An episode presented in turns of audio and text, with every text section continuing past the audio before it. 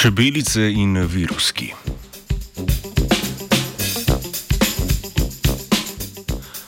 Opraševalci so nujni za razmnoževanje večine cvetočih rastlin in s tem tudi za ohranjanje biološke raznolikosti in pridelavo hrane. Število medonosnih čebel in drugih divjih opraševalcev se v zadnjih letih zmanjšuje, za kar je odgovornih več dejavnikov, vključno z različnimi patogenimi organizmi. Raziskovalna skupina z Univerze v Newcastlu v nedavni objavi poroča o porastu okužb z virusom kronične paralize čebel v Združenem kraljestvu. V reviji Nature Communications so objavili podatke o številu okuženih čebeljih kolonij, ki se je od leta 2007 do 2017 eksponentno povečalo.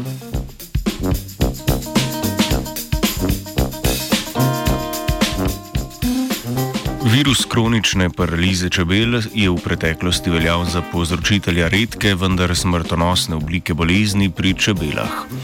Virus pri čebelah povzroča nenormalno tresoče gibanje kril, nezmožnost letenja in napihnjenost zadka. Čebelari pogosto poročajo o izgubi celotnih kolonij čebel.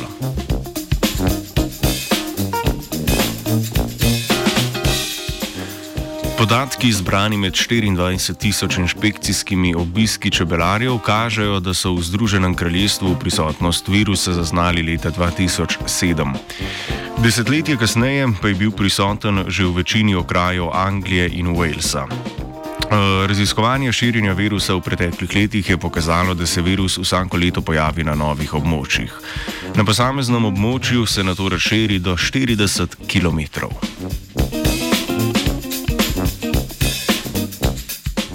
Ugotovili so tudi, da se virus pogosteje pojavlja pri profesionalnih čebelarjih kot pri amaterskih.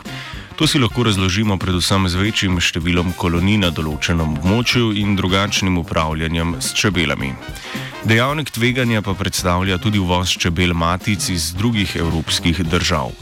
Čebele, ki prihajajo z drugih območij, so torej lahko nosilke virusne bolezni ali pa so bolj dovzetne za že obstoječe virusne sebe.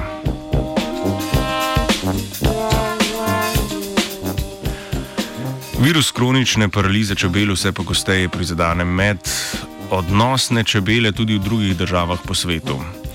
Seveda med donosne čebele tudi v drugih državah po svetu. E, ni še povsem jasno, zakaj se je število čebel okuženih z virusom v zadnjem desetletju povečalo.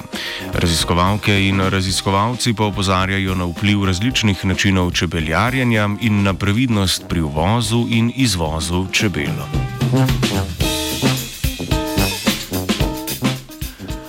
Britov je pripravila Katarina. Šmela, da je cigaret. Tej pet stran. Da, da, da, da mi je cigaretno.